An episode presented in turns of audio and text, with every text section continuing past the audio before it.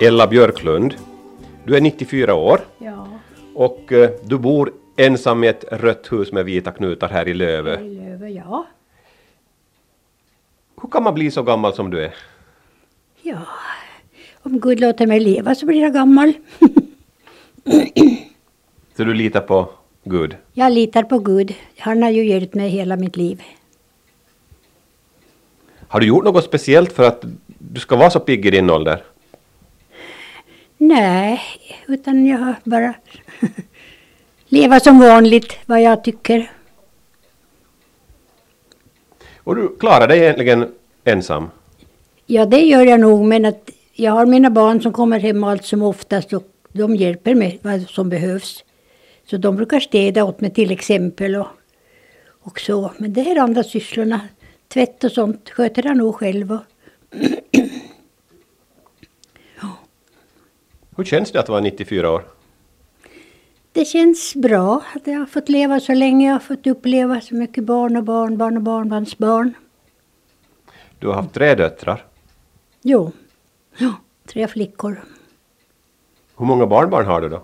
sex barnbarn, Och barnbarnsbarn? tolv, tolv barnbarnsbarn. Är det barnbarnen och barnbarnsbarnen som är glädjen i ditt liv nu? Ja, visst, det är som de brukar säga livets efterrätt. Jo. Du har ett trevligt hem här i Lövö med klockor som tickar på väggarna och du har blommor i fönstret som lyser. Det är gerbera och det är streptocarpus och det är krysantemer och astrar och broderier och tavlor på väggarna och Ja, du tycker om att handarbeta förstår jag. det tycker jag om och eh, det är ork kan så handarbetar jag. Jag ser bra nu därför att jag opererade båda mina ögon för ett och ett halvt år sedan. Och nu ser jag nästan virka utan glasögon om, jag, om det är ljust och bra. Och jag vet att du har virkat många sådana här sängtäcken. Ja, det har blivit så med åren. Någonting måste man ju ha i händerna. Hur många har det blivit? 13-14 kanske. En del är bredare och en del är smalare. Och så gör du sådana här korsstyngstavlor. Ja, inte så mycket. Inte. Sen har jag virkat ett par borddukar och sådant. Ja, små dukar många. Handarbete är ett stort intresse för Jag har dig. varit alltid intresserad av handarbete och de här vanliga sysslorna. Bak, bakning och matlagning och sånt.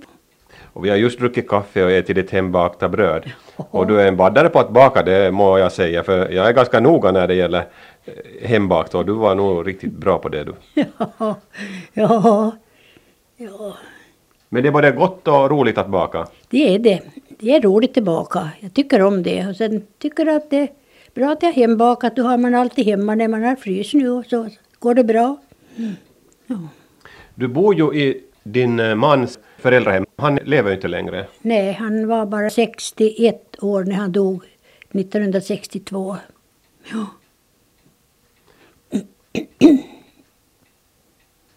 Men du är född i Lövö. Jag har bott i Lövö nästan i all min tid. Jag bodde ju en tid i Mariehamn, 12 år, som jag som vill arrendera ut vårt ställe här och då flyttade vi dit hela familjen då när min man blev sjuk och inte kunde jobba här. Men om vi går tillbaks till din barndom. Du är född 1905. Finland var inte ens självständigt när du föddes. Nej, det, vi var under Ryssland då. Och när jag gick i skola så läste vi Rysslands geografi. Det var mycket det att lära sig. Ja, det var det väl. Vi lärde oss städer och floder och, och sådant. Och, och vad det var för djur och sådant som var i Ryssland. Fast jag har nog glömt en hel del utav det. Kommer du ihåg någonting vad du lärde dig då? Djur och, och floder och allt det här? Dnepr och Dnester minns jag. ja, ja. Kändes det konstigt att läsa Rysslands geografi på den tiden? Eller var det naturligt på något sätt? Det var naturligt att man hade den. Det var inte, inte hade nog mycket läxor i den. Det hade vi inte. Men att lite sådär att vi visste lite om landet. Men det var nog inga stora fordringar heller att vi skulle måste veta. Det tror jag inte. Jag kände aldrig någon press därifrån. Men du måste gå i Grundsunda i, i skola till att börja med? Jo, jag gick där fyra år. Fyra år. Jo, hela min lärotid. Det, är- det är ju några kilometer till Grundsunda härifrån. Det är det. Men du kunde inte bo här då inte? Nej, jag bodde hos min mormor och moster där i, i Grundsunda. Ja. Minns du lärarinnan som ni hade? Vi hade fröken Lundberg kallade vi henne till. Ester Lundberg hette hon. var från Nyland. Hur var hon då? En fin lärarinna var hon. Duktig lärarinna. Ja, Var hon sträng? det var hon. Men jag förstår ju nog att det behövdes. Var det mycket bus? Ja, det vet jag det inte. Nej. Hon, eh, alla lydde henne. Det var pojkar som var huvud längre än henne tror jag, men då lydde de lärarinnan när hon sa till alltid. Det var alltid tyst i skolan också. Eh, Slog hon med pekpinnen om ni var olydiga? Nej, hon slog aldrig oss, aldrig.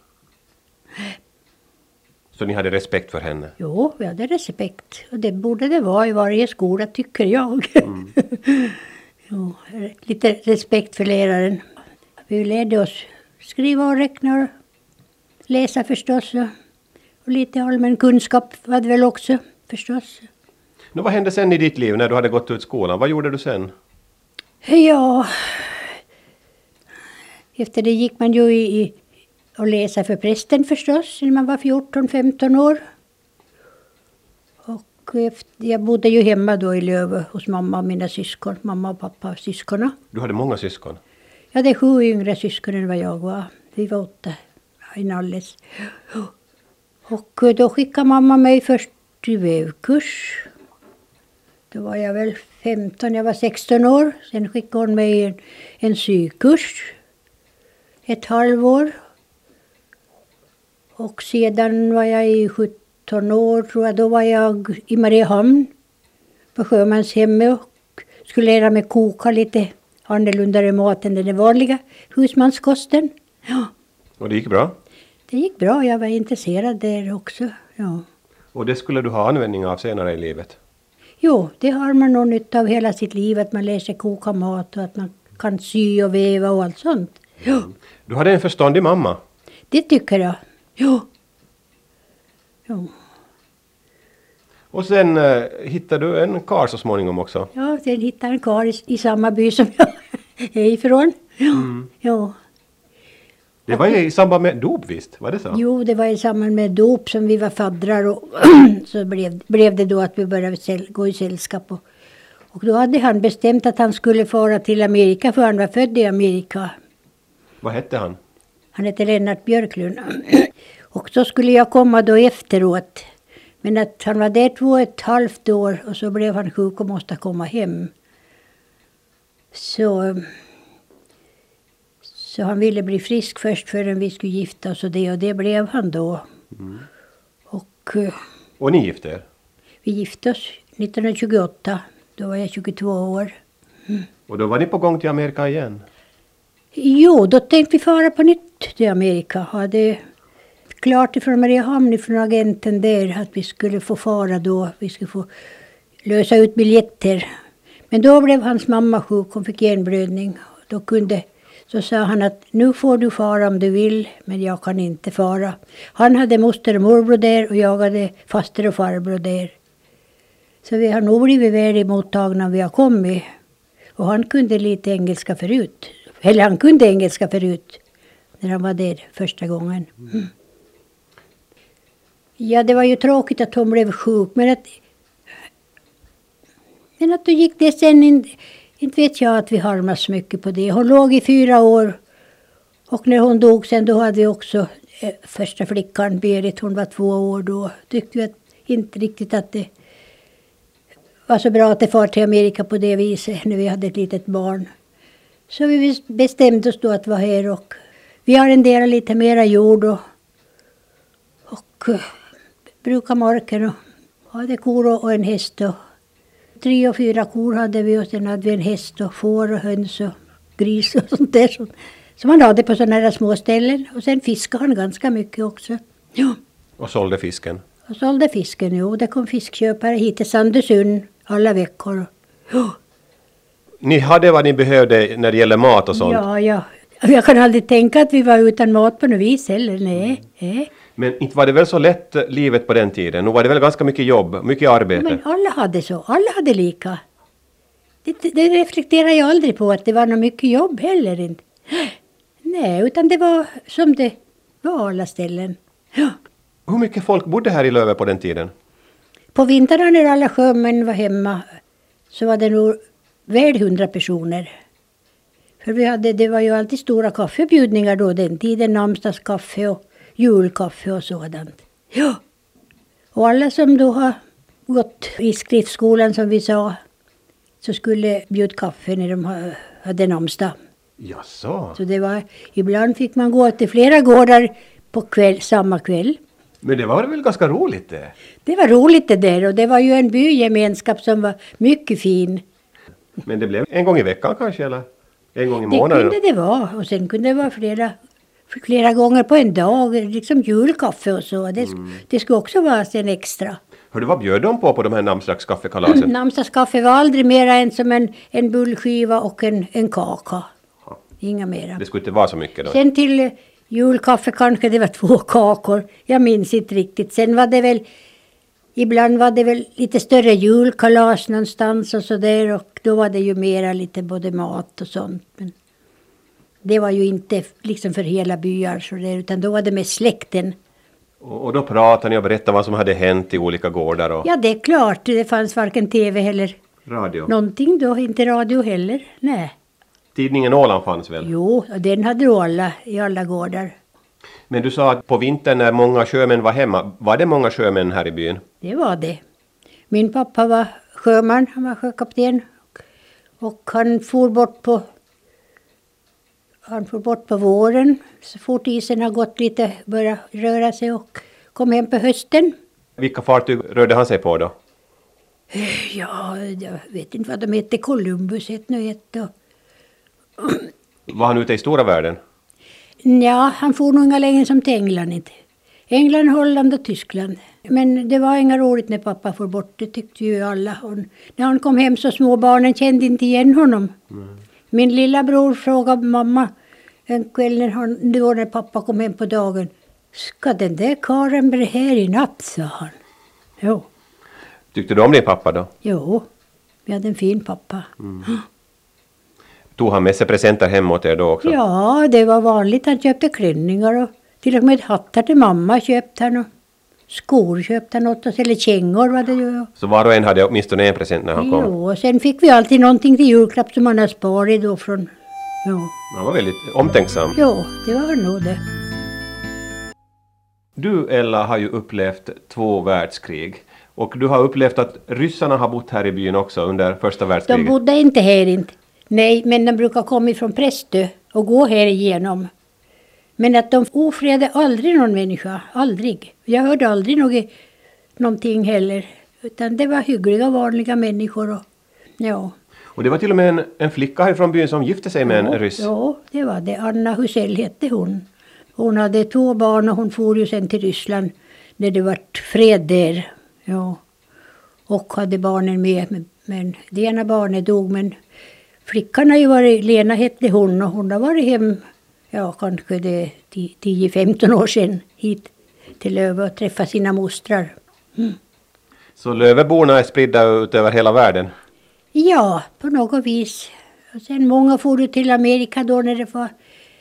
Det var ingenting annat här då att få ungefär en som... Antingen var man sjöman eller då for man till Amerika eller... För att få sin utkomst. Och säger familjen, den som inte hade någon mark och så. så. Nå, Ni jobbade som jordbrukare, hade kor som du sa. Eh, Det fanns till och med ett mejeri då. Sen kom mejeriet. Sen blev det liksom bättre. När man fick lämna mjölken då alla dagar. Var fanns det då? Mejeriet finns ännu kvar. Det är på vägen till Listersby. Det finns det ett litet sund och där på, liksom på den här sida så finns mejeriet. De håller just på att rusta upp det nu och ska ha ett boningshus. Men sen blev din man sjuk. Han blev sjuk jo. Så då måste vi arrendera ut det här stället. Och eh, stängde fast dörrarna. Men att han for hem på sommaren sen igen. För jag tog jobb i Mariehamn och jag kunde ju inte fara hur som helst. Och under tiden sen så, äldsta dottern hon for till Sverige och utbildade sig till sjuksköterska. Gudrun mellandottern hon, hon for till Ekenäs, utbildade sig till lärarinna. Och sen så småningom for yngsta dottern och gick i handelsskola i Helsingfors. Ja, då bodde vi i Mariehamn. Mm. Så du var bestämd med att dina döttrar skulle få en bra utbildning? Ja, de ville gärna själva också. Och det, vi kom överens, far och jag, att de behöver en utbildning. Mm. Det var inte riktigt så modernt alla gånger inte, här inte. Nej, och det kostar ju pengar. Jo, det gjorde det. Och det var ingenting att få då som... Nej. Inga studiemedel? Nej. Men att de var duktiga själva, de jobbade hela somrarna själva sen. Och att de hade både skolor och allt. Men när du då kom till Mariehamn med din man då som var sjuk, mm. så fick du ett jobb där du hade haft nytta av din utbildning? Det hade jag ju. Jo, jag fick plats på en bar. Konsabaren. Den var så ny så jag var med och städade upp med. Och, då. och där lagade du mat? Det lagade jag mat. Så nu var, det, nu var det bra, du hade den där utbildningen bakom dig? Det var bra nog, jo. Och sen fru Granlund var ju väldigt fin och människoförstående. För jag sa ju det att jag visste inte om jag skulle söka dit men hon sa börja du sa hon och mm. får vi se sen sa hon. På Strandgatan. På Strandgatan låg det? Jo, ja. det är det nu. Men det heter Mariebar nu tror jag det. Ja, Eller vad för, heter det? Jo, det är före detta Mariebar. Jo, jo, just. Vad lagar ni för mat där då? För det mesta vanlig husmanskost. Och det var mycket navigatörer som åt det. Och, och sen på sommaren, det väntade vi väl aldrig, så blev det mycket för det kom så mycket turister. Och, det här var någon gång på 50, slutet av 50-talet, början av 60-talet? Precis, jo. jo. jo. Var det mycket jobb? Det var det nog, men jag började en viss tid och fick sluta en viss tid. Jag började klockan åtta och slutade klockan fyra. Ja. Och sen kunde du gå hem? Och sen gick jag hem. Jo, för vi hade två rum, en tvårummare hyrd i Mariehamn. Ja. Och flickorna var ju hemma då, eller åtminstone Gudrun och Marianne, de var hemma på sommaren och då jobbade de.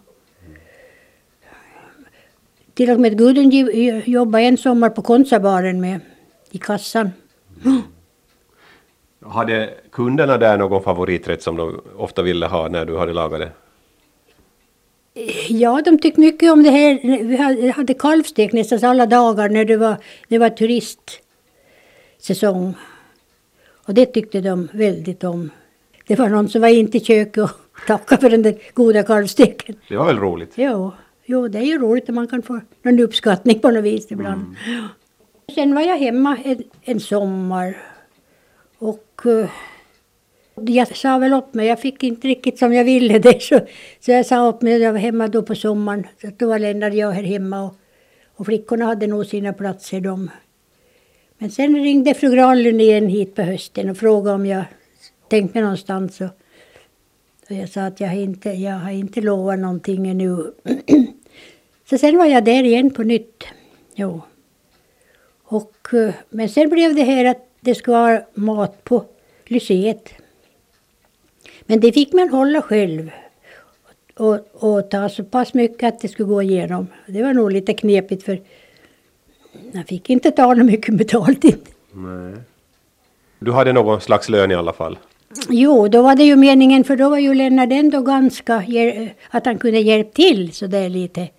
Men sen dog han då när jag var på lyceet och ja, det var lite svårare sen men, men det gick nog. Mm. Men att det var ju bara lunchen då som man kok och lagade där. Hur var det att uh, ha de här unga eleverna runt omkring sig? Då? Var, det, var det trevligt? Både och. Både och. En del försökte slarva lite med betalning och sådär men Jaha, så du hade lite svårt ibland? ja, de fick nog pengar hemifrån men det fanns så mycket när de gick ut i stan vet du på rasterna. Godis och cigaretter jo, kanske och sånt? Ja, det vet jag inte. Jag vet inte vad de köpte i det fallet. Godis köpte de. Jo. Men eh, det klaras upp flera gånger. Mm. Föräldrarna fick reda på hur de mm. har gjort. Och, Måste du ta någon i öra också? Nej, aldrig, aldrig. Nej. Nej. Det var ungefärligen en, mellan 80 och 100 som åt alla dagar. Och du var ensam som kokade? Mm, jo. Men jag hade väldiga grytor och pannor. Vad ville de ha för mat då? Det, det vet jag inte. De fick väl äta det som fanns bara. jo, Det var köttsoppa och kåldolmar och... jo, blodpudding och, och eh, mm, ärtsoppa och pannkaka var ju ganska omtyckt. Jag minns inte allt igen. Men du, du blev något av en, förutom att du jobbade på de här ställena, så blev du något av en kalaskokerska du också? Ja, det blev väl så. Jag hjälpte till lite på kalasen och så åt mina bekanta när jag var där på lyceet. Jo, och baka någon gång gjorde jag åt bekanta. Och, Sen var det bjudning allt som oftast på lyceet. Som, som, så då fick jag också stå för det, liksom för kaffe och, och bröd och allt det. Ja. Men visst var det så att du serverade, eller du kokade maten på något stort bröllop en gång och då, då var det så att du tyckte det blev för mycket? Jo, det var, det var efteråt jag har slutat i Mariehamn det. Så var jag där och kokade. Det är mycket arbete till, till laga till ett bröllop på en hundra personer väl det. Jo. Men vad hände sen med ditt liv efter det att din man dog? Ja, jag var fortfarande på lyceet då. Och sen tyckte jag kanske att det var lite tungt och så jag slutade där och, eh, och då hade jag ju inte någon lokal heller för att jag fick en liten lokal på lyceet där för att jag städade väggarna också. Ja. Och sen hyrde jag mig en liten lokal på Styrmansgatan och så började jag ha skolbarn och så hade jag mellanflickans dotter då, för hon var gift sig och hade en liten dotter som jag hade henne som dagisbarn. Ja. Och sen började jag längta hem. Va, varför började du längta hem? Jag vet inte. Rötterna? ja, alla bekanta vänner som jag hade hemma. Vad hände då? Ja, det hände det under tiden som vi var, som jag bodde i bagarstugan så grejade vi nog om den så att det gick an att bo där. Bagarstugan intill det gamla hemmet i Lövö blev Elli Björklunds bostad under den allra närmaste tiden. Det här var våren 1968. Bagarstugan renoverades och samtidigt började man rusta upp själva huvudbyggnaden som Elli och hennes man Lennart hade lämnat 12 år innan. Och så småningom blev det inflyttning i det gamla hemmet. Sen på hösten flyttade jag in. Då var det inte stora rummet färdigt men det gjordes färdigt sen på våren. Ja. Och sen tyckte jag att jag behövde ju någonting att tjäna på här för jag hade ingen pension. Nej. Så då grejade jag bagarstugan lite bättre. Och sen eh, köpte jag en veranda som de kasserade ifrån Vårdabyn. Och sen småningom jag fick lite förtjäna från bagarstugan och där så byggde jag ett en sommarstuga till. Så du blev stuguthyrare? Jo. Och sen, sen har jag byggt en ny stuga mot Sunde sen. En monteringsfärdig som det tog. Och sen bastur, två bastur har vi. Du har alltså fyra stugor som du hyr ut? Jo, och två bastur. Jag tror nästan att du är Ålands äldsta stuguthyrare. Va? Tror du inte? Det vet jag inte. Ja, men jag men nu är det så med mina sommargäster att de städar själva åt sig. Vidare så när vi byter familjer då har en städare här och, tvätt, och, och städar ordentligt. Ja. Vi ska gå och titta på dina stugor så småningom. Där. Ella, nu ska vi gå och titta på ett av dina sommarhus. Tänk att jag fått så mycket vildkatter. Har du fått vildkatter hit? Och nu har de... Nu ska jag göra så här. Du har en liten trädgård här också. Hör du, vi har haft stor trädgård nedanför. Men när ringen skötte den vi var 12 år det. Då gjorde jag vidare som sågade bort äppelträden och plommonträd. Ja. Sitter du ute här- i trädgården på sommaren? ja, jag sätter mycket ute. Vi har sett ute nu och druckit kaffe så händer det kommit någon. Och den här första sommarstugan ni byggde, det var egentligen en bagarstuga som fanns här Ja, då? i bagarstuga. Du ska få se sen. Hur gör du när du hyr ut dina stugor då? Va? Hur får du dina stugor uthyrda? Ja, det är genom annons och så får de komma hit och titta. Du annonserar i Sverige? Ja.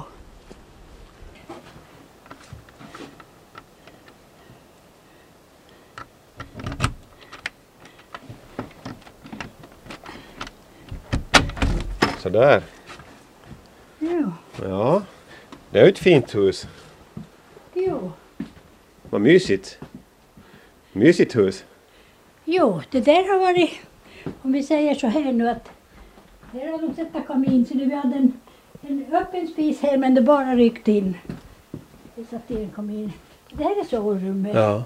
Egentligen var det här ett liksom en öppen trapp, trappa ut Ja, ja. som är lagat till ett rum. Men sen frågade han om vi skulle få reda upp det här rummet uppe vid. Det sa jag, det får ni väl göra om ni vill. Så hyresgästerna har fått eh, Det, göra vad de har- vill? De har gjort det här de uppe vid. Du kan nog gå och titta i- om du vill i trappan. Ja, det kanske inte behövs, men, men det, de har små rum men väldigt mysiga och hemtrevliga rum. Ja. Jag sa det får ni göra om ni vill, sa jag då. Det här är deras spegel. Ja. Oj, vilken stor spegel. Och de har fått möblera lite som de vill. Det har de gjort, fått gjort. De har fått göra hur de vill nu. Och du är glad bara du har nöjda hyresgäster? Ja, ja, ja. ja, ja. Jo, och så. Och sen här. Och kök har de och Sen är det här lilla köket, där har varit bastu. jättefint. Allting är väldigt ljust här inne. Det är Ja. ljusa tapeter och ljusa Ja. färger. Och den här bagarstugan den är rödfärgad utanpå. du, han har nog målat mycket själv han. Ja. De har varit i nio år nu ser du. Och sen har de, sen har de här. Hoppas jag får fram det till dörren. Veranda. Ja, Oj. Det här är ju riktigt eh, underbart ställe. ja, Stor, stor veranda. ja, ja. Men du har ett krav när du hyr ut dina stugor. Du ska se vem som kommer hit. Jag ska alltid se dem först. Och då blir det antingen godkänt eller icke godkänt. Ja, visst. Jo, jo. jo.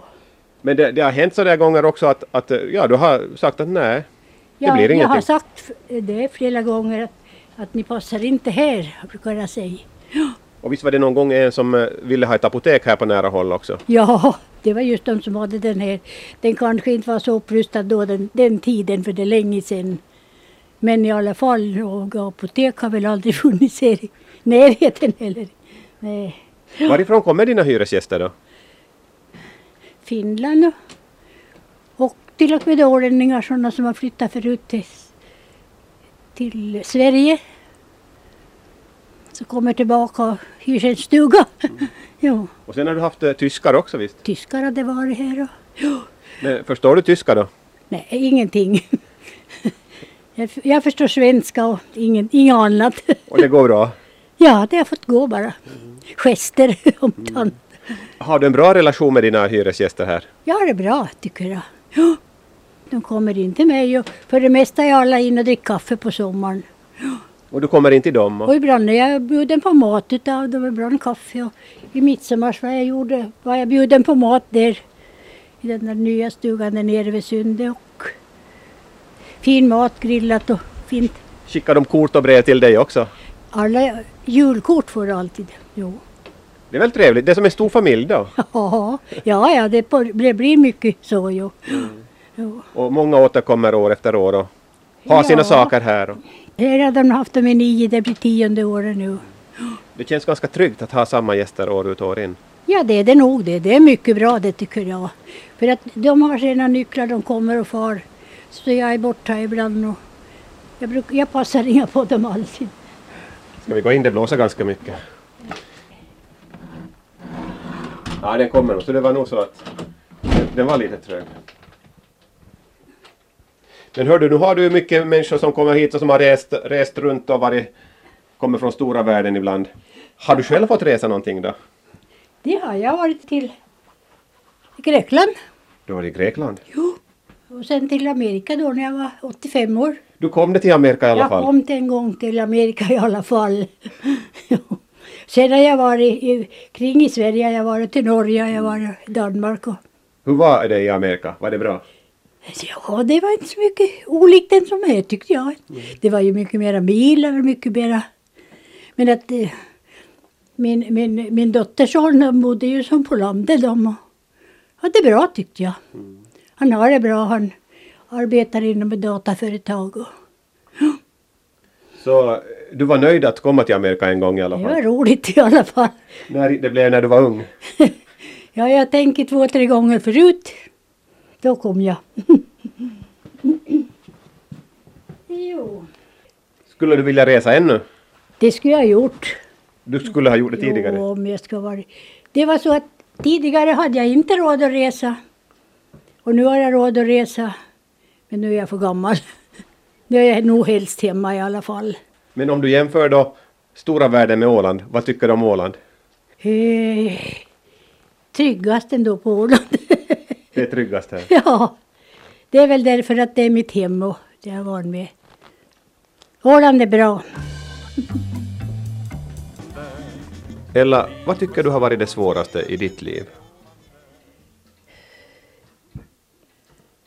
Det kanske när min, min man gick bort. Det var den svåraste sorgen jag har haft. Ja, Han var ju inte något gammal inte. 61 år. Och det var TBC han fick i ryggen Jo, som gjorde jo, att han jo. dog sen. TBC först och sedan fick han så starka mediciner så det tog på levern. Hur, hur kommer man över sorgen då? genom arbete. Jag var på lyceet då och var kokerska. Så det var på vårvintern det där och det var ju bara att fortsätta det, försöka fortsätta. Men då bodde yngsta dottern hemma. Liksom hos mig på lyceet.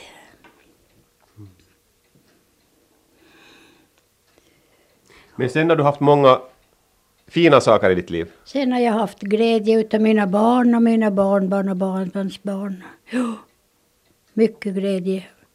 God kontakt med barnen och allesammans. Ja. Vad är annars eh, glädjepunkterna i ditt liv, förutom barnen? Vad tycker du har varit roligt med det här livet? Ja, jag har ju haft min, min tro som, som har burit mig över sorg och glädje. Det har varit det bästa. Har du alltid varit troende? Det har jag varit. Ja.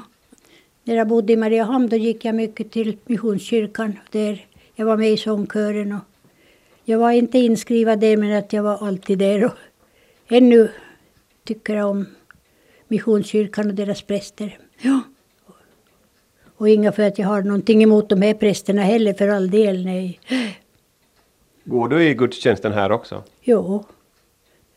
Inte blir det så ofta nu för att jag måste ju ha skjuts fram och tillbaka. Och, Sen förstod jag att du tycker det är lite rörigt när de har olika tider för ja, gudstjänsten. det är, ju, det är ju det som är lite rörigt och när det är på kvällarna då brukar jag inte gå och inte fara heller till Sund.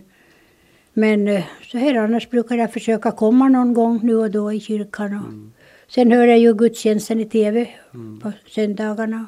Radio också. Men jag, jag förstod på dig att du inte är riktigt nöjd med att inte ni har en egen präst här i, Nej, det i församlingen. det är ingen som är nöjd på så vis. Nej. Vi får nog en nu också.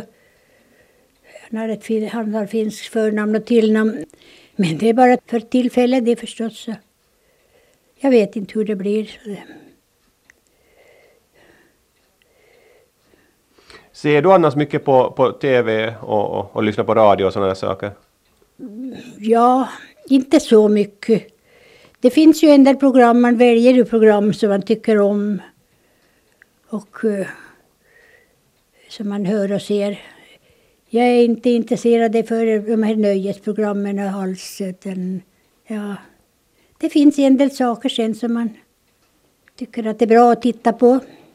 Det finns ju mycket vackert också. Gröna rum till exempel är ju fina att titta på. Du vill ha lite mer allvar i, i programmen? Det vill jag ha, jo. jo. Tidningarna läser du? Det gör jag ju. Dagstidningar och sen har jag kyrkpressen och sen har jag Missionsföreningens tidning En väg och... Ja, Nu ska det snart bli val. jo, Vad, vad tänker om eh, politikerna då? de gör väl sitt bästa, tror jag. Det tror jag. Och du går och röstar? Om jag kommer dit. jo, jag kanske f- röstar på posten. Jo, Men du vet vad du ska rösta på? det vet jag. Det har du bestämt dig redan? Jag har alltid varit det, det jag har alltid hört till det partiet. Ja, ja, ja. jo. Inte ska man klandra politiker heller för de gör sitt allra bästa och alla vill inte vara politiker. På, Nej. Nej. Det är säkert inget lätt göra. Nej. Nu har du nästan levt hela det här seklet. Ja. Du är född 1905. Jo. Och nu har vi 1999. Ja, Hur känns det att gå in i ett nytt sekel? Har du tänkt på det mycket eller? det har jag väl tänkt. Men jag vet inte om jag går, om jag går in i ett nytt sekel. Nej. Utan det där... Jag tar hela livet och allt som en gåva. Det är en gåva som jag har fått. Och att jag har fått vara frisk hela tiden. Det är den största gåva som, jag, som en människa kan få. Så du har fått vara frisk hela tiden? Oh. Så du tar en dag i sänder på något Jag sätt? tar en dag i sänder ju. Och eh,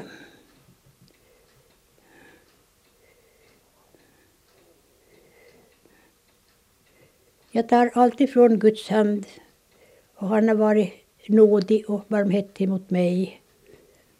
Han stöder och bär dag efter dag.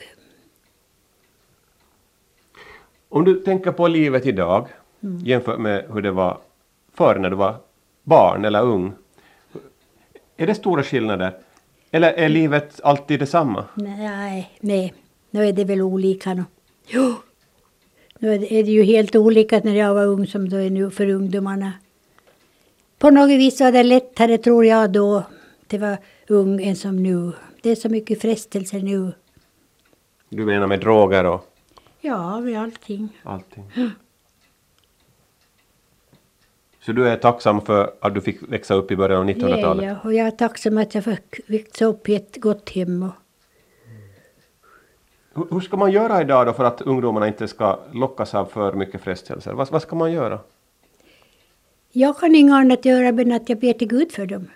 Ber till Gud för alla mina ungdomar. Du är ju 94 år. Mm. När man blir så pass gammal, är det svårt när många av ens bekanta har dött och gått bort? Och, Ja, det är svårt. Det, är- det är svårt. Det är två här nu som är äl- äldre, eller en är yngre och en är lite äldre. Vi har ju en 99-åring. Som har fyllt 99 år, men han cyklar. Det är full fart. Sen har vi har en väninna här hos Nordbergs. Hon är 92. Men du har två syskon kvar i livet. Två syskon har jag kvar i livet, jo. Blir saknaden väldigt stor efter de anhöriga när man har passerat 90-årsåldern? Ja, på något vis så. Ja, Känner man sig ensam? ja no, ibland. Men att inte så ofta heller. Men du har livslusten kvar i alla fall? Jo, det har jag. När jag känner mig ensam då går jag och ringer till mina barn och barnbarn och pratar. Har du nyfikenheten kvar också? Det är jag. Jag vill veta hur de har det och jag vill veta vad de gör ibland och allt så. Och då blir du glad? Ja,